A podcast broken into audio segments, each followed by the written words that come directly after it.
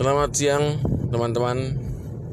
Kembali lagi bersama saya Pramudia Bagas. Di siang hari yang terik ini Saya mau coba bahas-bahas sedikit ya. Bahas-bahas sedikit tentang apa ya bagus ya yang dibicarain. Karena dari tadi saya dengar radio di perjalanan Radio tentang kebijakan publik dan struktur kelembagaan di NKRI dan lihat baliho-baliho uh, pencalonan di salah satu salah satu kabupaten. Jadi kepengen membahas tentang kebijakan yang baik. Cuma karena jarang ngomong kebijakan ya jadi bingung juga mulai dari mana